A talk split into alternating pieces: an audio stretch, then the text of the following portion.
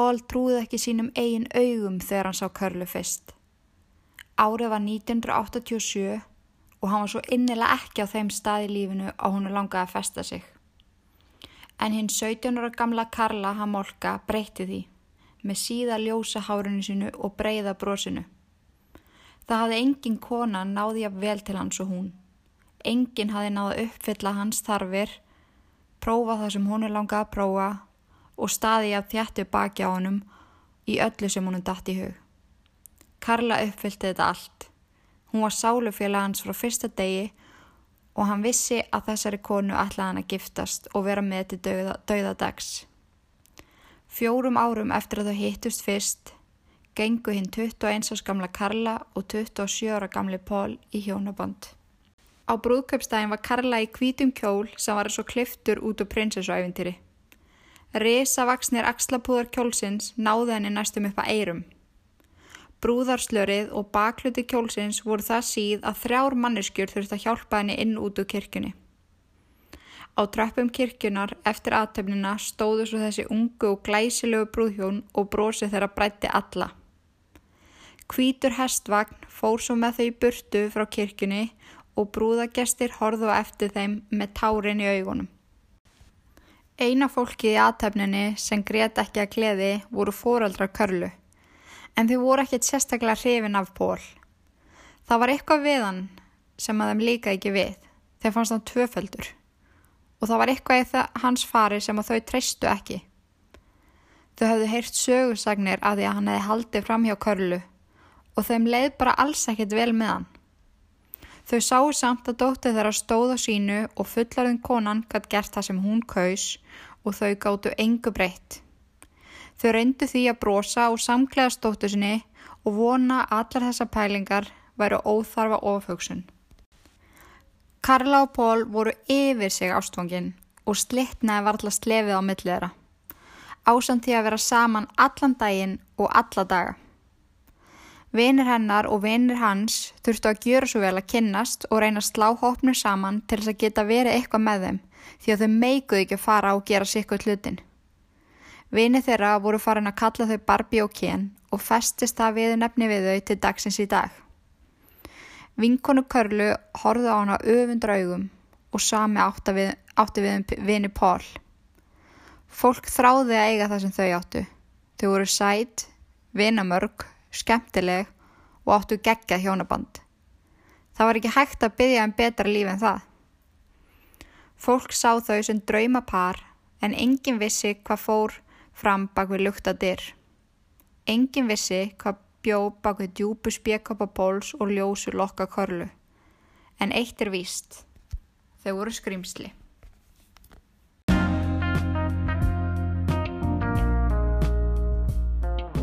Komið sæl, elsku börni mín og lömpin mín og verið hjartala velkomin í podcastáttin Ílverk.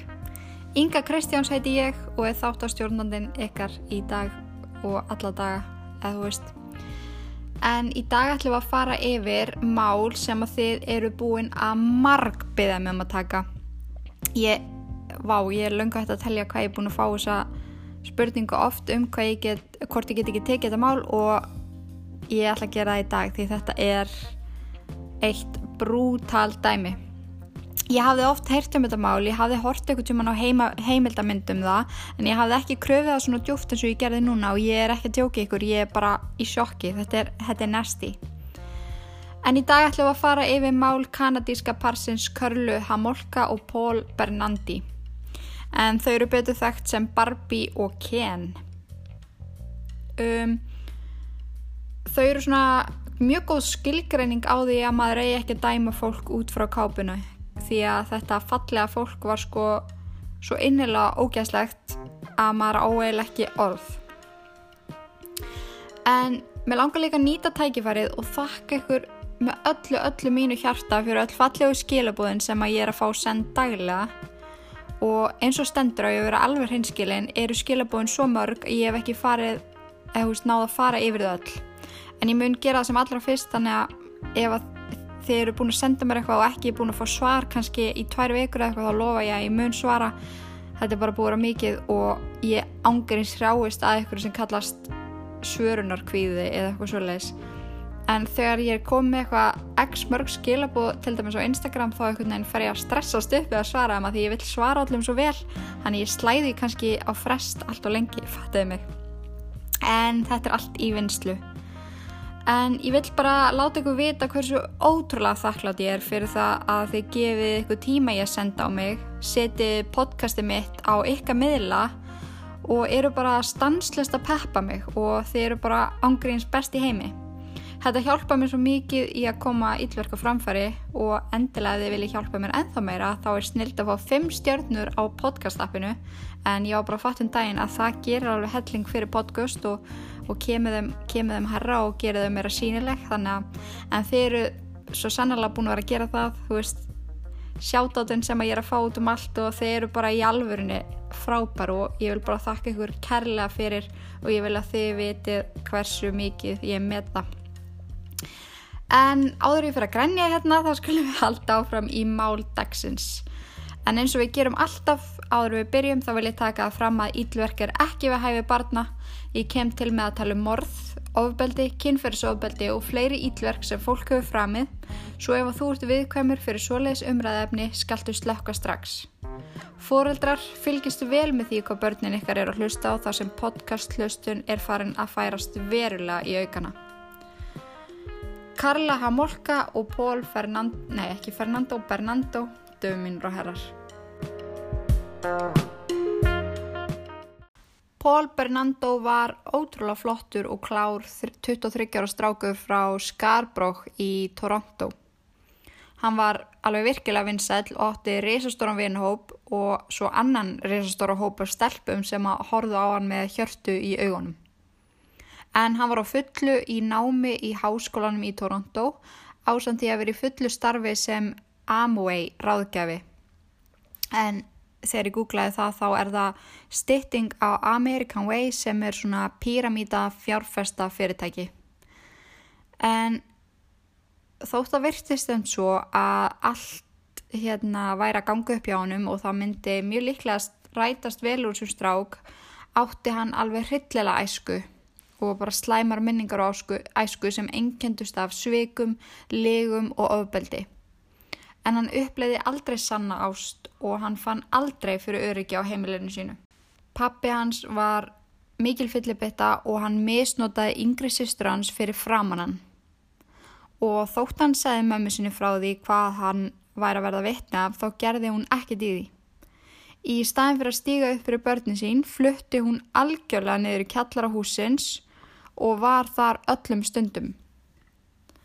Pappið þeirra var því ótrúlega mikið með þeim alla daga og gerði hann það sem honum síndist. Drakk mikið og misnótaði sýstu Pól. Eitt daginn þegar mammans kemur upp á kjallaranum þá reyðist Pól henni alveg virkilega. Öskra á hana og spyr hana af hverju hún sé aldrei með þeim og af hverju hún trúi aldrei neinu sem hann segir. Hann gekk svo langt að kalla hana tussu og hóru og bara uppnemdana og kalla hana öllum yllunöfnum og mammans var svo ótrúlega reyðið hann að hún gargaði tilbaka að hann væri nú meira ófjötið og hann gæti bara getið ofan í sig að maðurinn sem hann var alltaf kvartundan væri ekki eins og pappa sér alvegni. Hún hafði orðið ólétt eftir að hafa reyðið mannin og baði á pöpp og hann hafði aldrei átt að verða til. Slegin með þessari bombu ney Pál neyri gólfið. Þessar upplýsingar urðu honum um megn. Mamma hann sló bara á honum og gekk í burtu. Og frá þessum degi hataði hann mömmu sína og konur yfir höfuð. Og ekki líka, ekki bara hann og ekki bara konur, hann hataði ekkert neginn alla og hann strungalega hlið fór að sína sig meira og meira. En fólk vissi þetta ekkert og þráttur það að vera þessi ljósærði, tanaði, bláiði draumaprins, það var hann ekki allur sem hann var séður. Innra með honum bjó skrimsli sem enginn vissi af nema hann sjálfur. Þegar hann leiði skrimslinu að sleppa ljósu, lausu, dölbjó hann sig. Skrimsli innra með honum átti dimmar fantasíur sem snýrist um ofbeldi og yfiráð. Hann æstis kynferðislega við að hugsa um það að pinta konur. Þar sem stelpur dáðust á honum átti hann mjög auðvelt með að fara á deitt og finna stelpur til að deita sig bara eins mikið og hann vildi. En þegar hann, þegar hann komst í third base eða second base með, á deitunum með stelpum leiði hann fantasíum að koma fram alltaf meira og meira. Hann kyrti þær og sló fast á meðan þau stunduðu kynlíf.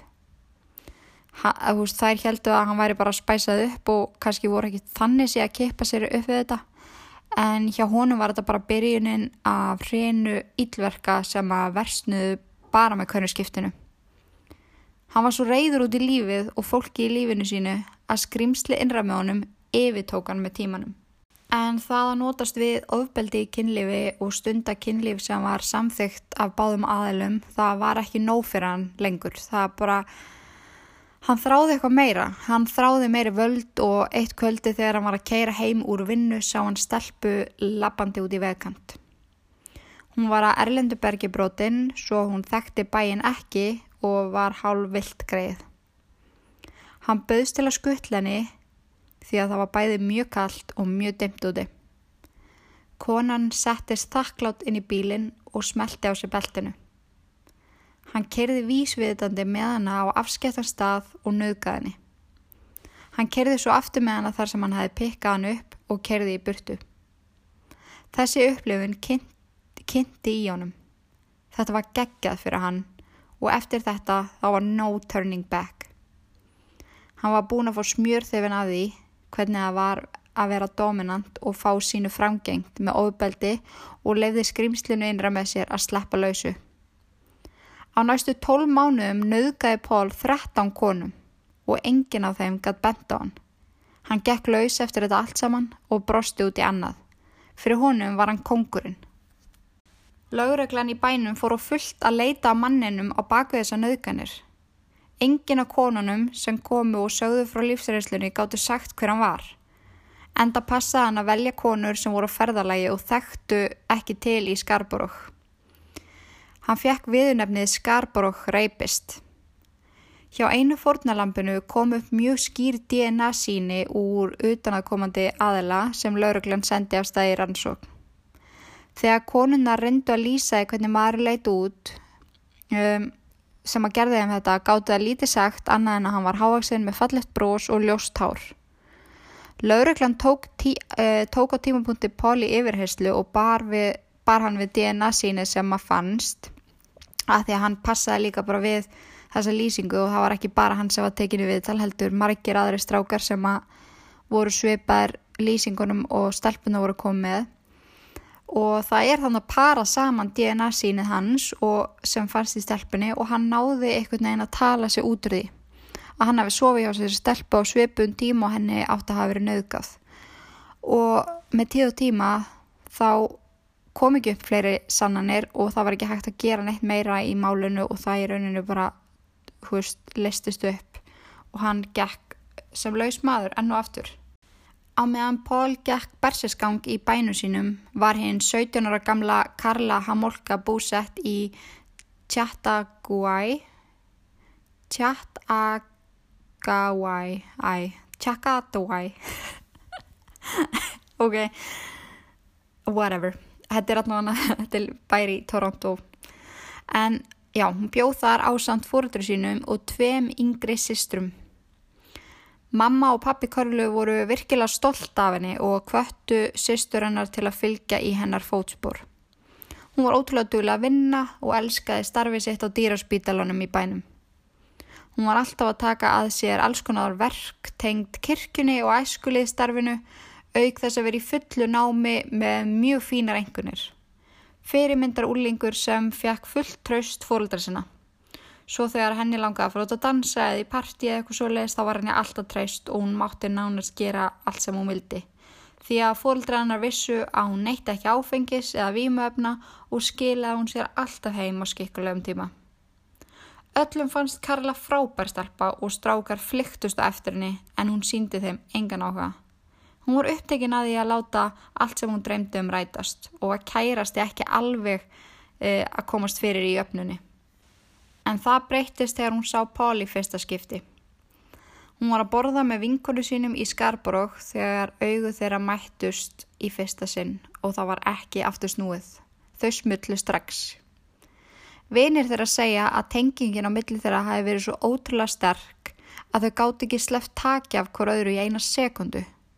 Þau voru líka stanslefst að kela hvar sem þau voru sem gerði vinið þeirra oft mjög vandrarlega. Þau sátu kannski öll saman og Karla skelli sér ofan á Pól og þau fara í hörkusleik. Frekar óþægilegt að vera kannski þriðahjólið.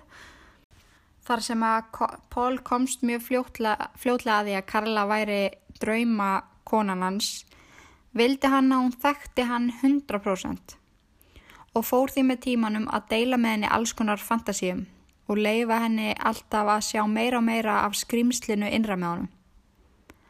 Það sem kom hennu samt óvart og gerði hann á sama tíma svo óendala ástfangna af henni var að hún heikaði ekki þegar hann sagði henni frá, frá þessu öllu saman sem hann var að hugsa eða því sem hann hafi gert og hún var alltaf til í að prófa hluti með honum, hvatti hann til að prófa sig áfram og síndi öllu sem hann sagði uh, áhuga og tók fullan þátt. Þannig að mjög snemma þá segir hann henni frá því að hann sé að nauka og það er það sem hann fílar og hann sé ekki fyrir vennilegt trúbóðakynlíf. Hann vilji hafa þetta röf, hann vilji hafa þetta svona naukunar dæmi. Og hún bara, já, það er bara þá bara gerur það veist, og hún var alltaf einhvern veginn samþygg því sem hann sagði sem er ótrúlegt. Og það er að sjá þetta mitt í viðtölu með hana þegar hann þegar hún er að segja frá því bara já ég vissi alveg að því að hann væri serial rapist. Ég vissi að því mjög snemma í hjónabandin okkar nei hérna í sambandin okkar og ég vissi að löngu áður við giftum okkur sem er fokkin magnað En með tímanum fór líka að koma fram þessi dominant hlið á Pól. Hann fór að vera meira örugur og segja við hann að hluti án þess að hugsa. Hann fór svo að böggast í henni með það að hún væri used good eða ekki hrein með þegar þau kynntust. Húnu fyndist það ekki alveg nóg heillandi og spurði hann að hvort hún væri ekki hrættum að hann fara að leita í saklausar stelpur með enga reynslu. Fyrst leiðinni eins og hann væri bara grínast og tók þessu ekkert sérstaklega næri sér. En þegar hann var farin að koma með svona komment reglulega fór hún að finna fyrir áökjum og kvíða byggjast upp. Hún meikaði ekki að missa hann. Hvað ef hann færi í alvörinu frá henni til að vera með stelpu sem hafi sparað sig fyrir þann eina rétta? Hún fór því að leggja á ráðin á hvað hún geti gert til þess að uh, halda hún spentum og komi hugmynd sem hann, sem hann gerðan svo æstan og spentan að hann gat ekki hafnað henni. En áður við heyrum uh, hvað hugmynd hún ber undir Pól, skulum við heyra nokkur orð frá styrtar aðla þáttarins.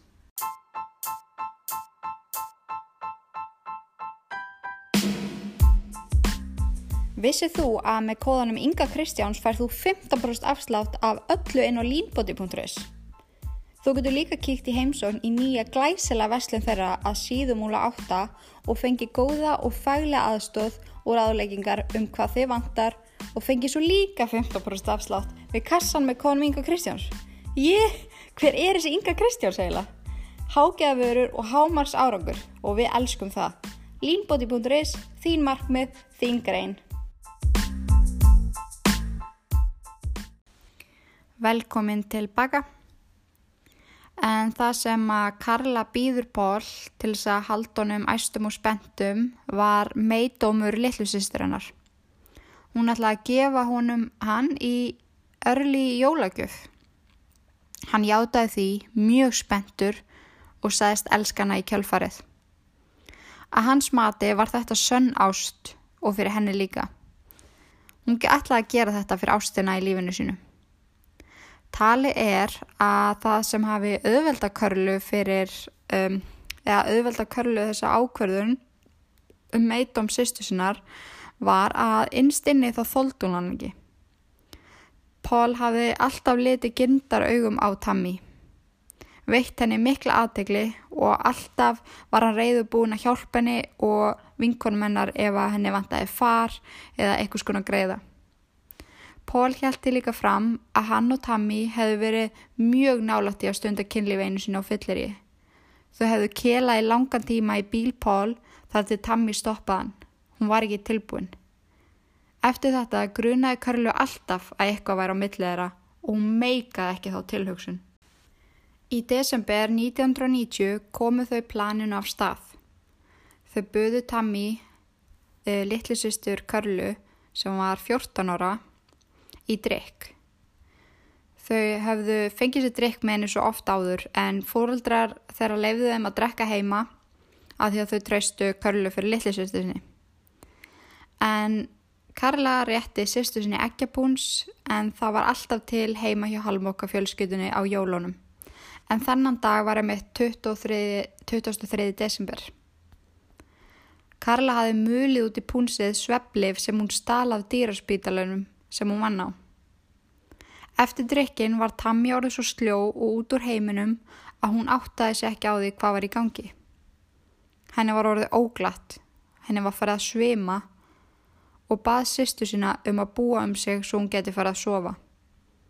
Eftir að hafa beðið órólega eftir því að Tammi myndi sopna, sem var ekki að gerast, brá Karla á það ráð að sækja lif sem hún hefði einnig stólega dýraspítalun sem hún vann á.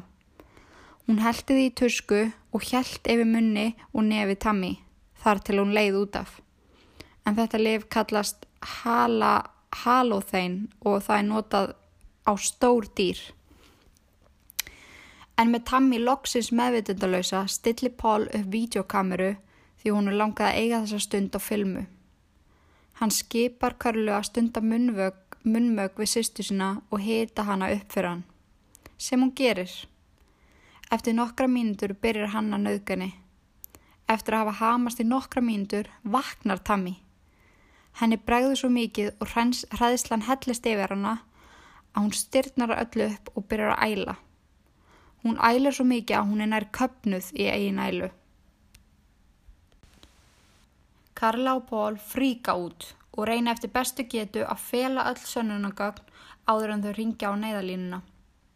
Þau leggja Tammy upp í rúmi sitt klæða hann í náttfött og rétt ná að fara sjálf upp í rúm áður sjúkrarlegaðni koma. En það voru of seint. Dýrmætu tími þar sem hægt var að bjarga Tammi var leðin. Hún kapnaði á einælu í herbygginu sínu. Þetta getur gestumur og var andlat hennar talið sem náttúrulegu dauði eða döi, dauði vegna výmöfna. Þannig að þarna hjálpar hún manni að nauðga sýstu sinni. Hún nauðgar sjálfsýstu sinni eitra fyrir hana fyrir henni og horfur síðan upp á hana degja þetta er það er ekki að lýsa því með orðum hversu mikil ílska þetta er. Mér finnst í alvörunni skára það sem til dæmis Ted Bundy gerði. Ég er ekki að djóka. Ef að ég á að vega þetta saman þá var hann að drepa eitthvað sem hann þekkti ekki en hann, hún var að gera litlu sýstu sinni þetta. Spáið, veist, það, er, það er ekki hægt að lýsa þessu. En Pól tók andlátið alveg virkilega nærrið sér og hann sagði var alltaf orð í margar vikur eftir á. Hann greiðt þegar hann sá myndra á henni og vaknaði á nóttunni í svitabaði með skjálfilega martraðar þar sem hann öskraði upp nafnið hennar. Stundu þegar hann hjakk með vinu sínum dró hann upp mynd af Tammy og byrjaði að kýla sjálfa sig í andlitið. Í útförun hennar sjást þau Karla og Pól sorgmætt við kistun hennar. Þau setju ofan í kistuna boðskort í brúðköpið þeirra og hálsmenn sem að þau voru bæði en sem að þau voru með á sér kvöldi sem að þau nöðguðinni. Pól meika ekki að Tammy væri dáinn og margir halda að hann hefði verið hrifnar af henni heldur en körlu. Þá aðalega vegna þess hversu saglaus hún var. Hann krafðist þess að Karla klætti sig upp í föt af Tammy og reyndi að haga sér eins og hún. Þau stunduðu síðan mjög gróft kynlíf og tókuðu það upp í rúmi Tammy þar svo þau leku eftir nöðguninni sem hann hafi beitt henni. Í margar vikur skipaði Pól Körlu að ganga í nærböksum Tammy og baða hana oft um að fara í gerfi sýstu sinnar á meðan þau stunduðu kynlíf. Sjálfströst Póls jógst alveg verulega við það að komast upp með morð og það hafa komist upp með að gera þetta gerði fantasíunar enþá sterkari og allt sem taldist eðlilegt dögði honum ekki á neittnátt til þess að fá það sem hann þurfti í lífinu. Þegar spenna var orðin það mikil og hann alveg að springa á gerind þá fór hann á stúfana í leita öðru fórnalambi. Hún vantaði ykkur að saklausa stelpu sem hann komi, komi fram við eins og leikfangabrúðu. Í júni 1991 pekka hann upp hinn að 14 ára gamlu Leslie Mahaffey sem var bæðu og skólasistir Tammy.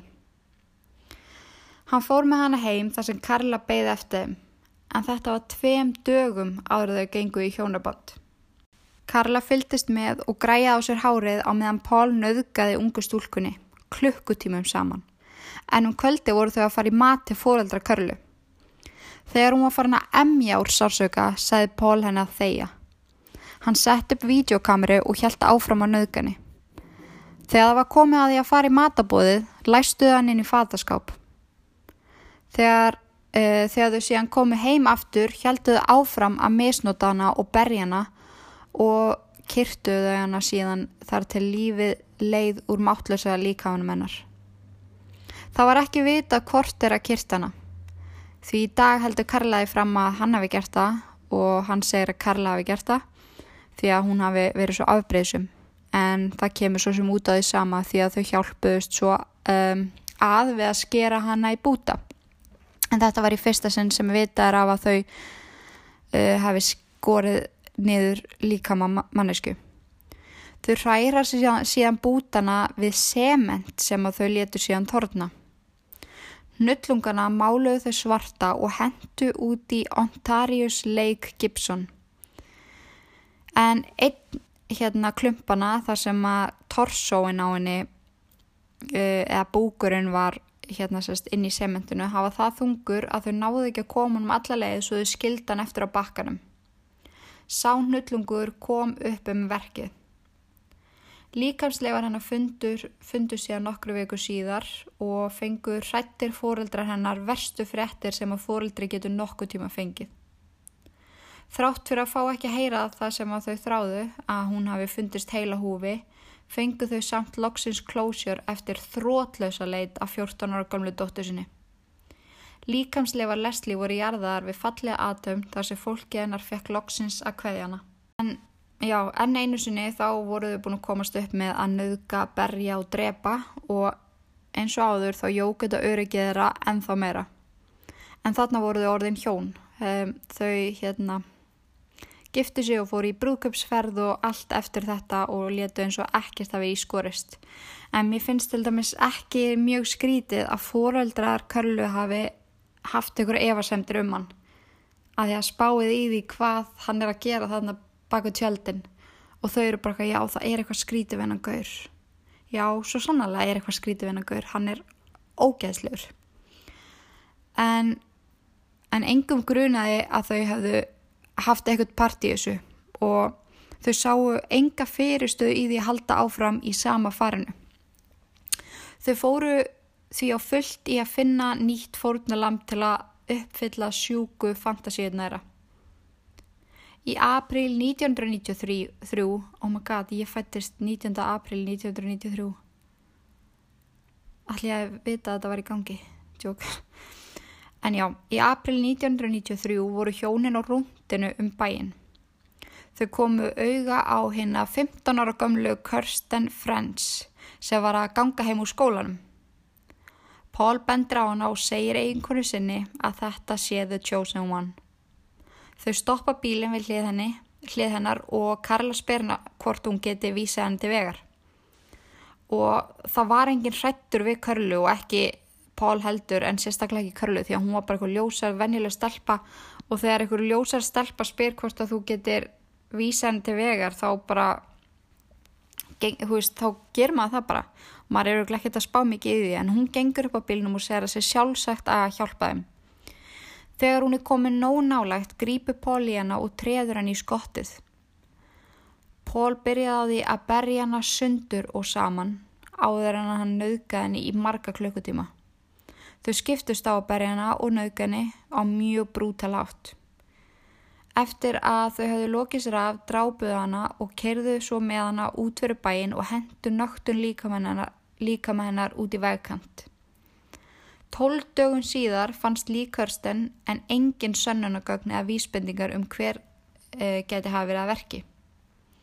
Hjónin gengu hönd í hönd, frjáls út í samfélagið og rósuðu hvort öðru fyrir vel unnum störf. Enn og aftur sluppu þau með nöðgun, ofbeldi og morð. Og þau heldu áfram svona ótrúlega lengi og það sem að kemur ekki mikið fram í greinum á netinu um þetta mál er hvernig Pól hagaði sér við, uh, við dýr. Mér finnst alveg virkilega erfitt að lesa um þetta en ég hlustaði sérst á hljóðbók um þetta mál að því að mér finnst oft meira að koma fram í svona bókum. En þá er talað um það að Pól hafi verið ótrúlega mikið að snúa hunda úr hálslið og ég get bara ekki, uff, og hann hafi verið bara frá því að hann var lítill alltaf ótrúlega vondu við dýr og hann hafi bara aldrei búið virðingu fyrir neittni levandi veru nema sjálfur sér. Og sambandi þeirra einkendist rosalega mikið af þessu þú veist. Það, þetta var ekki ást, þetta var bara veist, þetta, þetta fólk er bara ekki af þessari jörðu. Og það er alveg magnað hversu ótrúlega ívúl er hægt að vera. Og það er svo magnað líka að hún sem hafi aldrei komist á kant við laugin þegar fólk var að horfa tilbaka á hvernig týpa hún var þá var Karla alltaf frekar vond manneska hún var svona manneskjan í vinahópnum sem að startaði einelti. Hún var manneskjan í vinahópnum sem að réði öllu og hún réði hvern átt á útileg loka og hvern ekki fattiði mig. Og hún svona sveist einskis en var alltaf þessi ljúfa stelpa sem að yngum hefði gruna að hún færi út í eitthvað svona. En, en það er hægt að greina sagt, hennar karakter þannig að hún er eina af þeim konum sem að laðar að sér svona menn. En það eru til uh, hérna ég var að lesa ykkur að greinum þetta þetta kallast kannski ekki sálufélagar en þetta eru svona félagar sem dragast saman konan leitar alveg sérstaklega uppi svona karaktera og menninni náttúrulega leita uppi karaktera eins og konunar og þetta verður svona dynamic duo og þetta minnir mig mjög mikið á Bonnie and Clyde því að ef þau hefðu ekki kynst þá hefðu þau aldrei gert það sem þau gerðu. Hann var náttúrulega nú þegar orðin raðnöðgari og hann hefði örgla haldið áfram með það ef hann hefði ekki kynst Köllu en hún átti alveg séns á því að vera bara eðlileg þótt hún væri kannski flokku sem vond manneskja. Fattiði mig. Þannig að spáði í því hvað annar aðili getur haft slæm áhrif. Og þetta getur líka bara við, átt við í daglegu lífi og þá er ég ekki endilega að tala um að vera morðingi.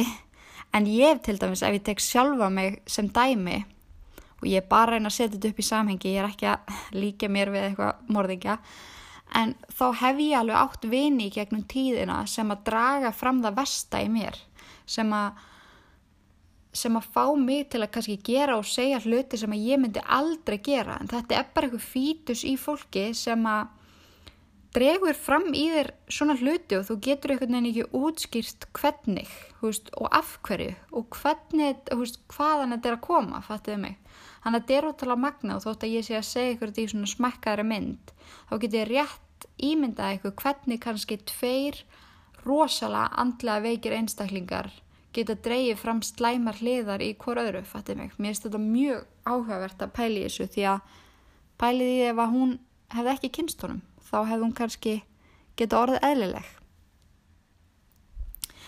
En sambandi þeirra þeir lengt alveg yllilega upp á kant þann 5. janúar Nei, jú, 5. janúar 1994.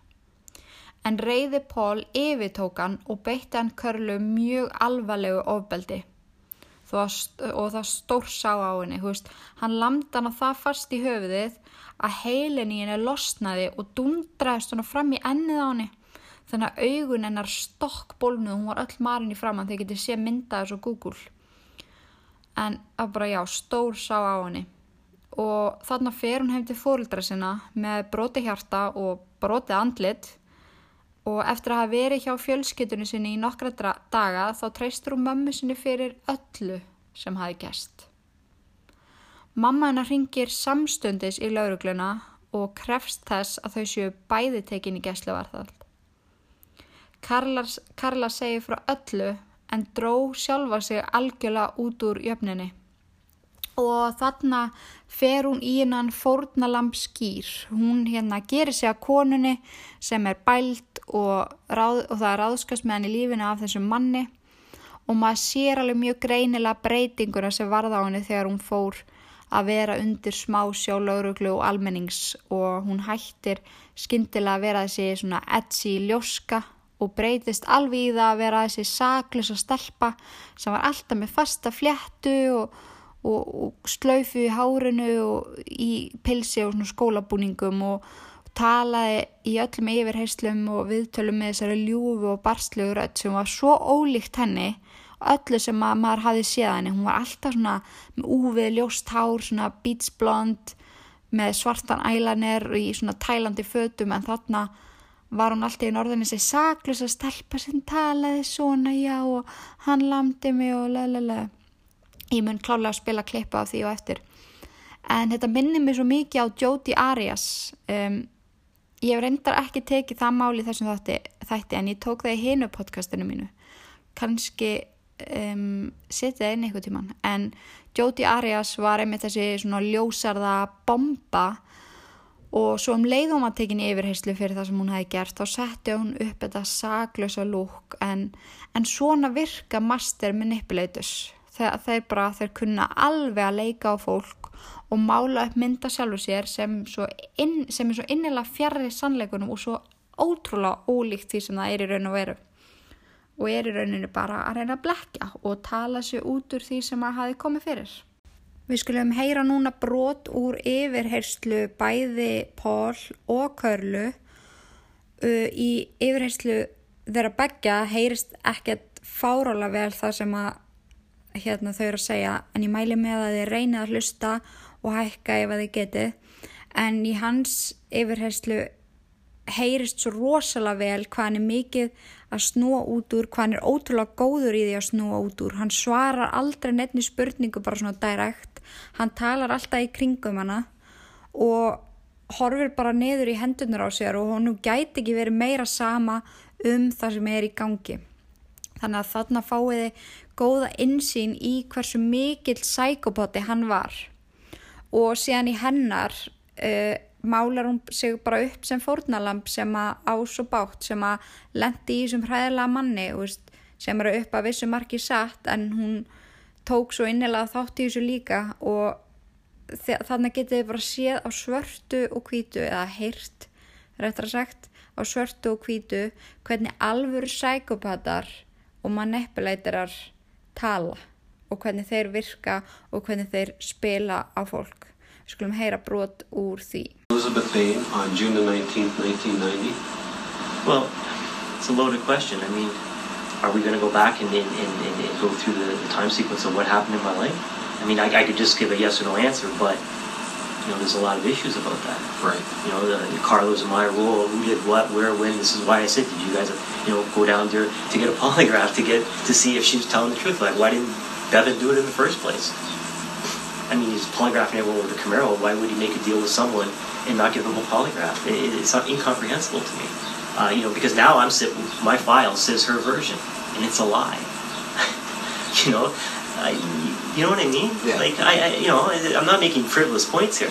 I mean, and now you're asking me after you after you said Peel Regional said I'm lying about this, and then you're saying I'm lying about my profile. You're saying I'm lying if I'm better or not. Now you're saying, hey, did you kill this person? I mean, well, you're saying I'm lying here, here, and here. I could say no, I didn't, uh, but.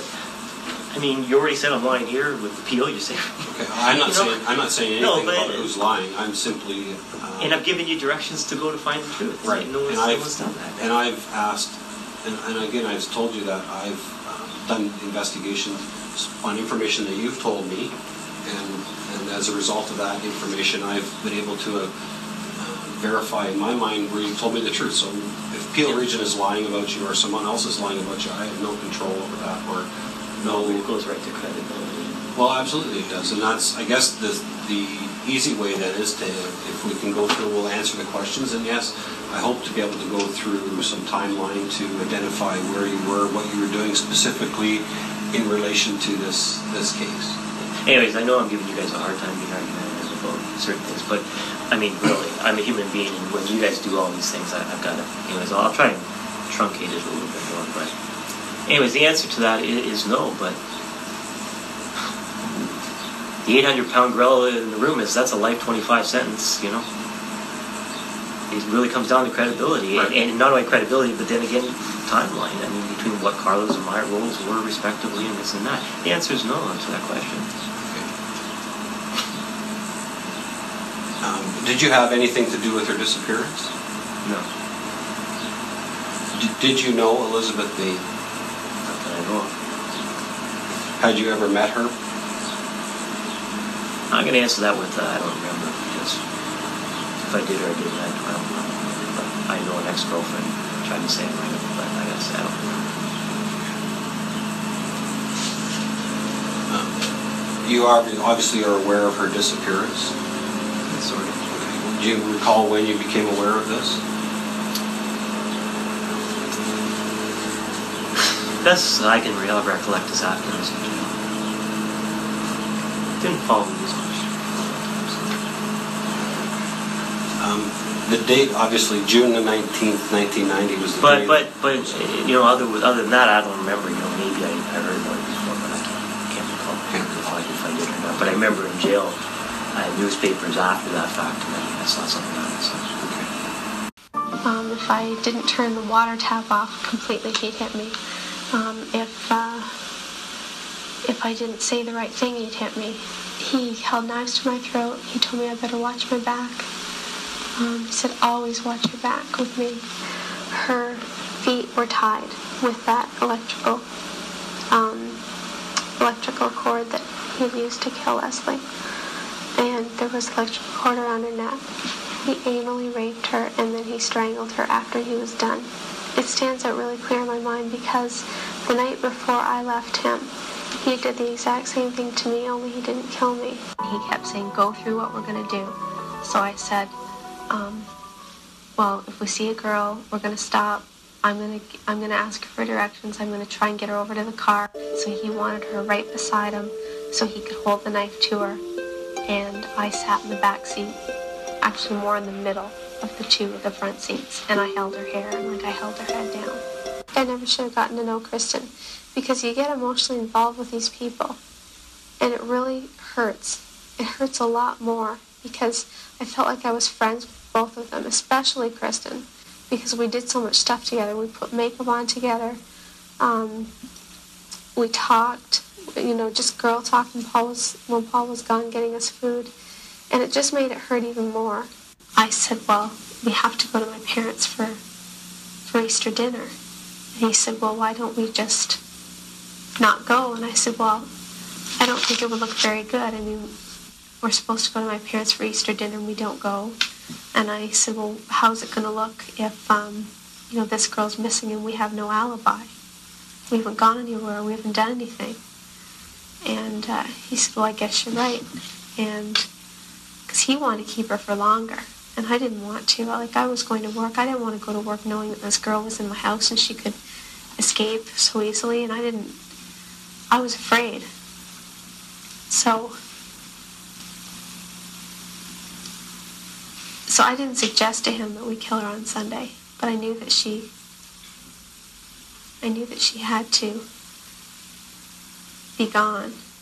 Körlu var bóðið það að ef hún játaði og sagði frá öllu þá væri dómurinn lækkaði niður í 12 ár og þá fengi hún að ganga út sem frjálskona. Uh, og það var alveg virkilega gáðilegt múf hjá henni og lögfræðingnum hennar að taka þessa ákverðun áður en hún fór fyrir dóm. Því að öll sönnunagögnin sem voru tekin fyrir í réttasall myndu breyta öllu og öll vídjón sem að hjónin höfðu búið til saman af fórnalömpunum sínum voru sínd í réttasall. Kviðdómur þurfti að horfa á þau pinta Tammy, sýsti Körlu, nöðga henni og hlæja svo að því sem að þau voru að gera. Og sama á við um hina stelpuna sem að þau misnótuðu og drápu síðan. Allir í réttasall þurfti að horfa á þetta og, og dómarinn í málinu segir líka frá því setna meira að hann hafi verið traumatæst eftir að þurfa að horfa á þetta. En ef að fólk hefði vitað þetta og séð þetta áður en að henni var búið þessi plídíl, hefði hún aldrei fengið hann. Þannig að ég geti rétt ímyndað ykkur hversu gáulegt múf þetta var hjá henni að samþykja þetta áður en hún fór fyrir dóm og mér stela bara magna henni að veri bóðið þetta. En hún hefði verið dæmt til lífstegar í fangelsi en spáði í því að Karla Halmoga gengur laus í dag undir öðru nafni. En 4. júli 2005 eftir 12 ári fangelsi þá er hún bara frálskona og í dag heitir hún Emily Bordelais og býr í útkverfi í Toronto. Hún er gift og búin að eignast tvö börn. Hún reynir að tróða sér í allt sem er svona fóreldra tengt í skóla barna sinna en, en þú veist það vill enginn hafa hana það er náttúrulega fattaði strax hver hún var og hún lifir eiginlega svolítið mikið bara í felum og reynir að bæta upp fyrir gjörði sínar með því að taka þátt í alls konar góðgeramálum og sjálfbóðavinu.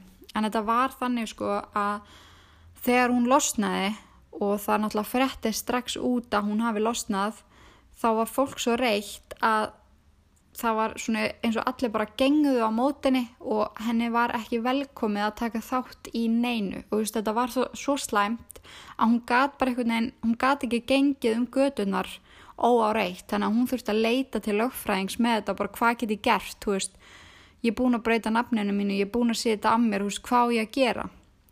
Og það var sett upp eitthvað svona plan hún mátti ekki umgangast krakka undir 16 ára hún mátti ekki gera hitt og þetta og það var bara sett upp fullt af svona reglum sem áttu að vendana og reyna veitinni sem eðlast að lífið og þetta var allt gefið út að en ég er að segja ykkur að hún á engan sjens og bara það er tekið myndra hverja einustu hreyfingu sem hún gerir og ég vona bara að börnin hennar þurfu ekki að líða fyrir það að vera börnin hennar. En hún á mjög góðan mann alveg ótrúlega satt sem að stendu með henni og einmitt bara hekar ekki við að taka upp hanskan fyrir hana. En mér finnst bara magnað að hún hefði fengið 12 ár fyrir þetta. Það er alveg ótrúlegt. Það er síðan ekki eftir að segja sama um Paul en hann var dæmdur til lífstíðar í fangelsi. Og hann er búin að vera núna uh, aðeins lengur en 25 ár en hann reyndi árið 2015 eftir 25 ára eða 23 ára dvölu fangelsi að komast út. Hæ Maja! Hæ!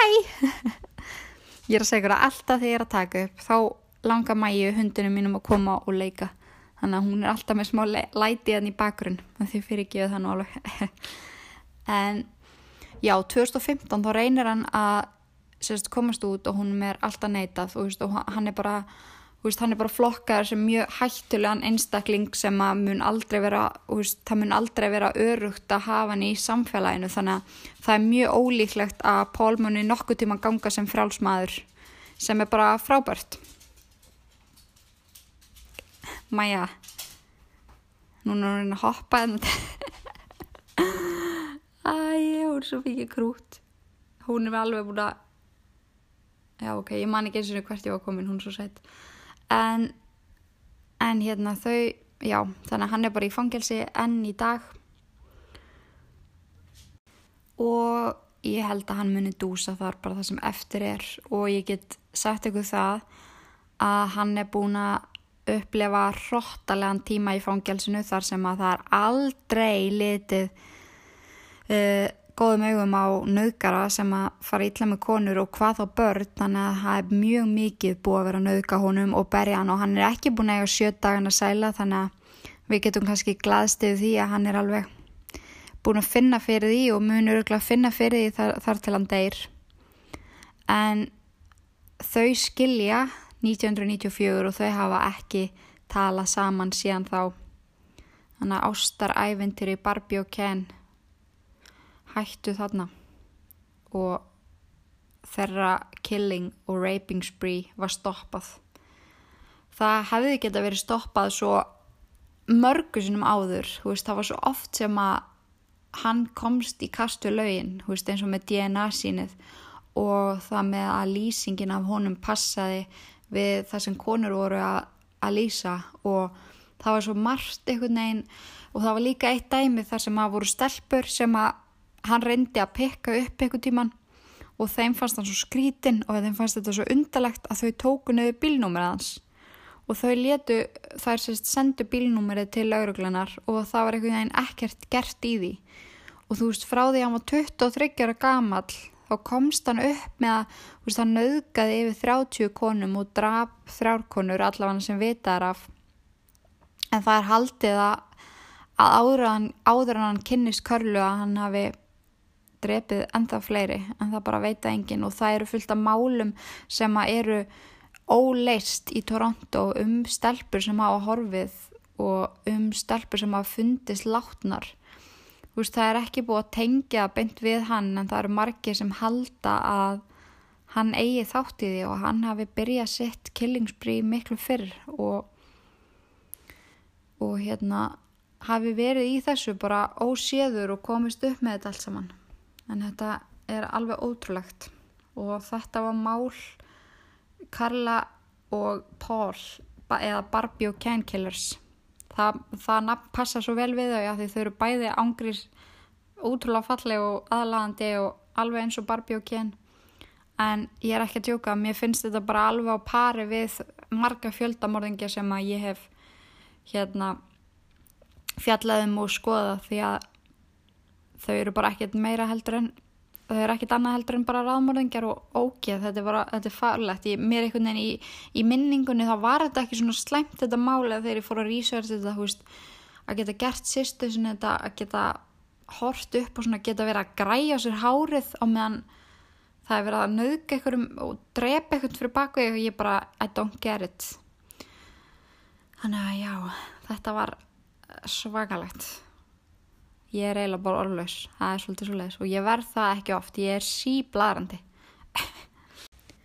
en nú fer mjög fljótlega að líða að þrítugasta þætti íllverk og ég man ekki hvort ég var búin að segja ykkur það en ég var allavega búin að ákveða með sjálfur mér að alltaf þegar við um ammali sérst svona tög við erum veist, 20, 30, 40 þættir þá gerum við eitthvað skemmtilegt og ég er með ansi skemmtilegan þátt planaðan fyrir ykkur Ég byrjaði undirbúan, hann verður svolítið öðruvísi. Ég get kannski gefið eitthvað það hint að ég verð mögulega með góðan gæst. Segi ekki meira. En mér þætti ótrúlega skemmtilegt uh, að fyrir næsta þátt sem verður 2009. þáttur að þið sendi mér uh, hugmyndir af málu sem ég ætla að taka. Það er spurning hvort að ég hafi það líka inn á ílverkgrúpunni ykkur og svona kostninga því mér langar svolítið að leifa ykkur að stjórna næsta það, þætti og síðan kemur óvandi gesturinn í, í 30. þátt. Þannig að ég held að það séu ansi skemmtilegir tímar hérna framöndan hjá okkur. Það hrannast inn fólk á ílverkgrúpun á Facebook sem er geggjað. Ég held að við séum orðin eitthvað um 1700 þar inn á þar sem að fólk er ótrúlega dögulegt að spjalla, það er ótrúlega dögulegt að senda mér falleg skilabóð því ég bara fer að grænja því ég skoðu þessa grúpu. En endilega farið inn og hana verið hérna partur af öllu þar, þar reynir ég að setja fram allar upplýsingar sem að þið þurfa að vita, ég mun láta ykkur vita ef að það kemur upp eitthvað skemmtilegt ívent sem kemur að yllark, maður veit aldrei. En þeir eru svona fáið fyrst frettinnar þar inn á og síðan er ég búin að hérna joina væðinguna, Instagram væðinguna.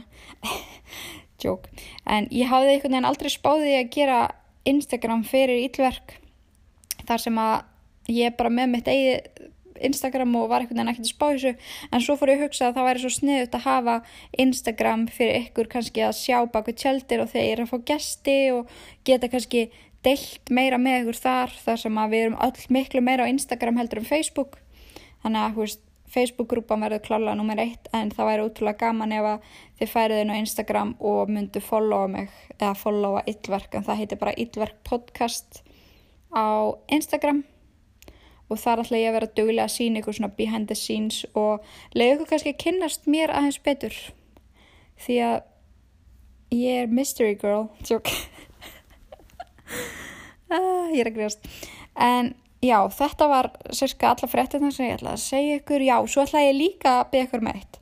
Ég fæ ótrúlega oft skilabóða þegar ég sé að hitta mig á förnum vegi og ég væntilega veit ekki að ég sé að hitta ykkur af því að þið yfirleitt segið ekki neitt. Ég eru bara eitthvað svona halló, nei, hú veist þið segið ekki eins og halló.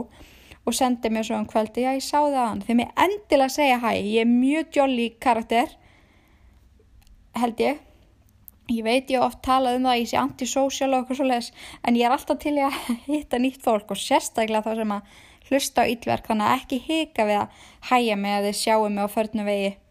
Það er bara ótrúlega skemmtilegt og, og hérna bara ótrúlega gaman að hitta ykkur. En ég held að við segjum þetta bara gott í dag. Þetta var ansi áhugavert mál ansi ógeðslegt og við förum traumatized út í nóttina. Nei, ég segi svona ég veit allavega að það eru margir hlustendur núna alveg að klára það að þrýfa er að setja í síðustu vélina eða er að voru að klára að skúra því að það eru fárlega margir sem hlusta á þáttur og meðan þau þrýfa húsið frá toppið til táar. Og ég tengi svo innilega við það en uppbáls hérna podcasti mitt er þarf alltaf að vera grín með hérna Tinnu, Tryggva og Ingo. Mér finnst þau svo ógislega skemmtilega og ég mitt alltaf þegar kemur út nýr þáttu með þeim þá, þá hérna þrýfi allt húsi, þetta er eitthvað svo þægilegt. Maður, maður verður eitthvað svo einbyttur og maður er svo innilega mikið að hlusta og bara að ég veit ekki, maður er svona tröflast ekki eins og, eins og maður er oft þegar maður er að hlusta tónlist kannski eða eitthvað þannig í græjunum. Þannig ég tengi svo innilega mikið við að séu að hlusta á meðan hérna þeirra að þrýfa og það er ógesla skemmtilegt að þið getið synd ykkar verkefnum með yllverki eironum og ég geti verið eitthvað svona stytting á alls konar stundum. Þannig að enn og aftur þá bara þakka ég ykkur kærlega fyrir að hlusta, þakka ykkur kærlega fyrir allan stuðningin og ég get ekki beðið eftir að halda áfram með True Crime podcastið Yllverk. En þánga til næst þá ætla ég að byggja ykkur um að forðast öll ílverk nema þetta podcast. Verið sæl.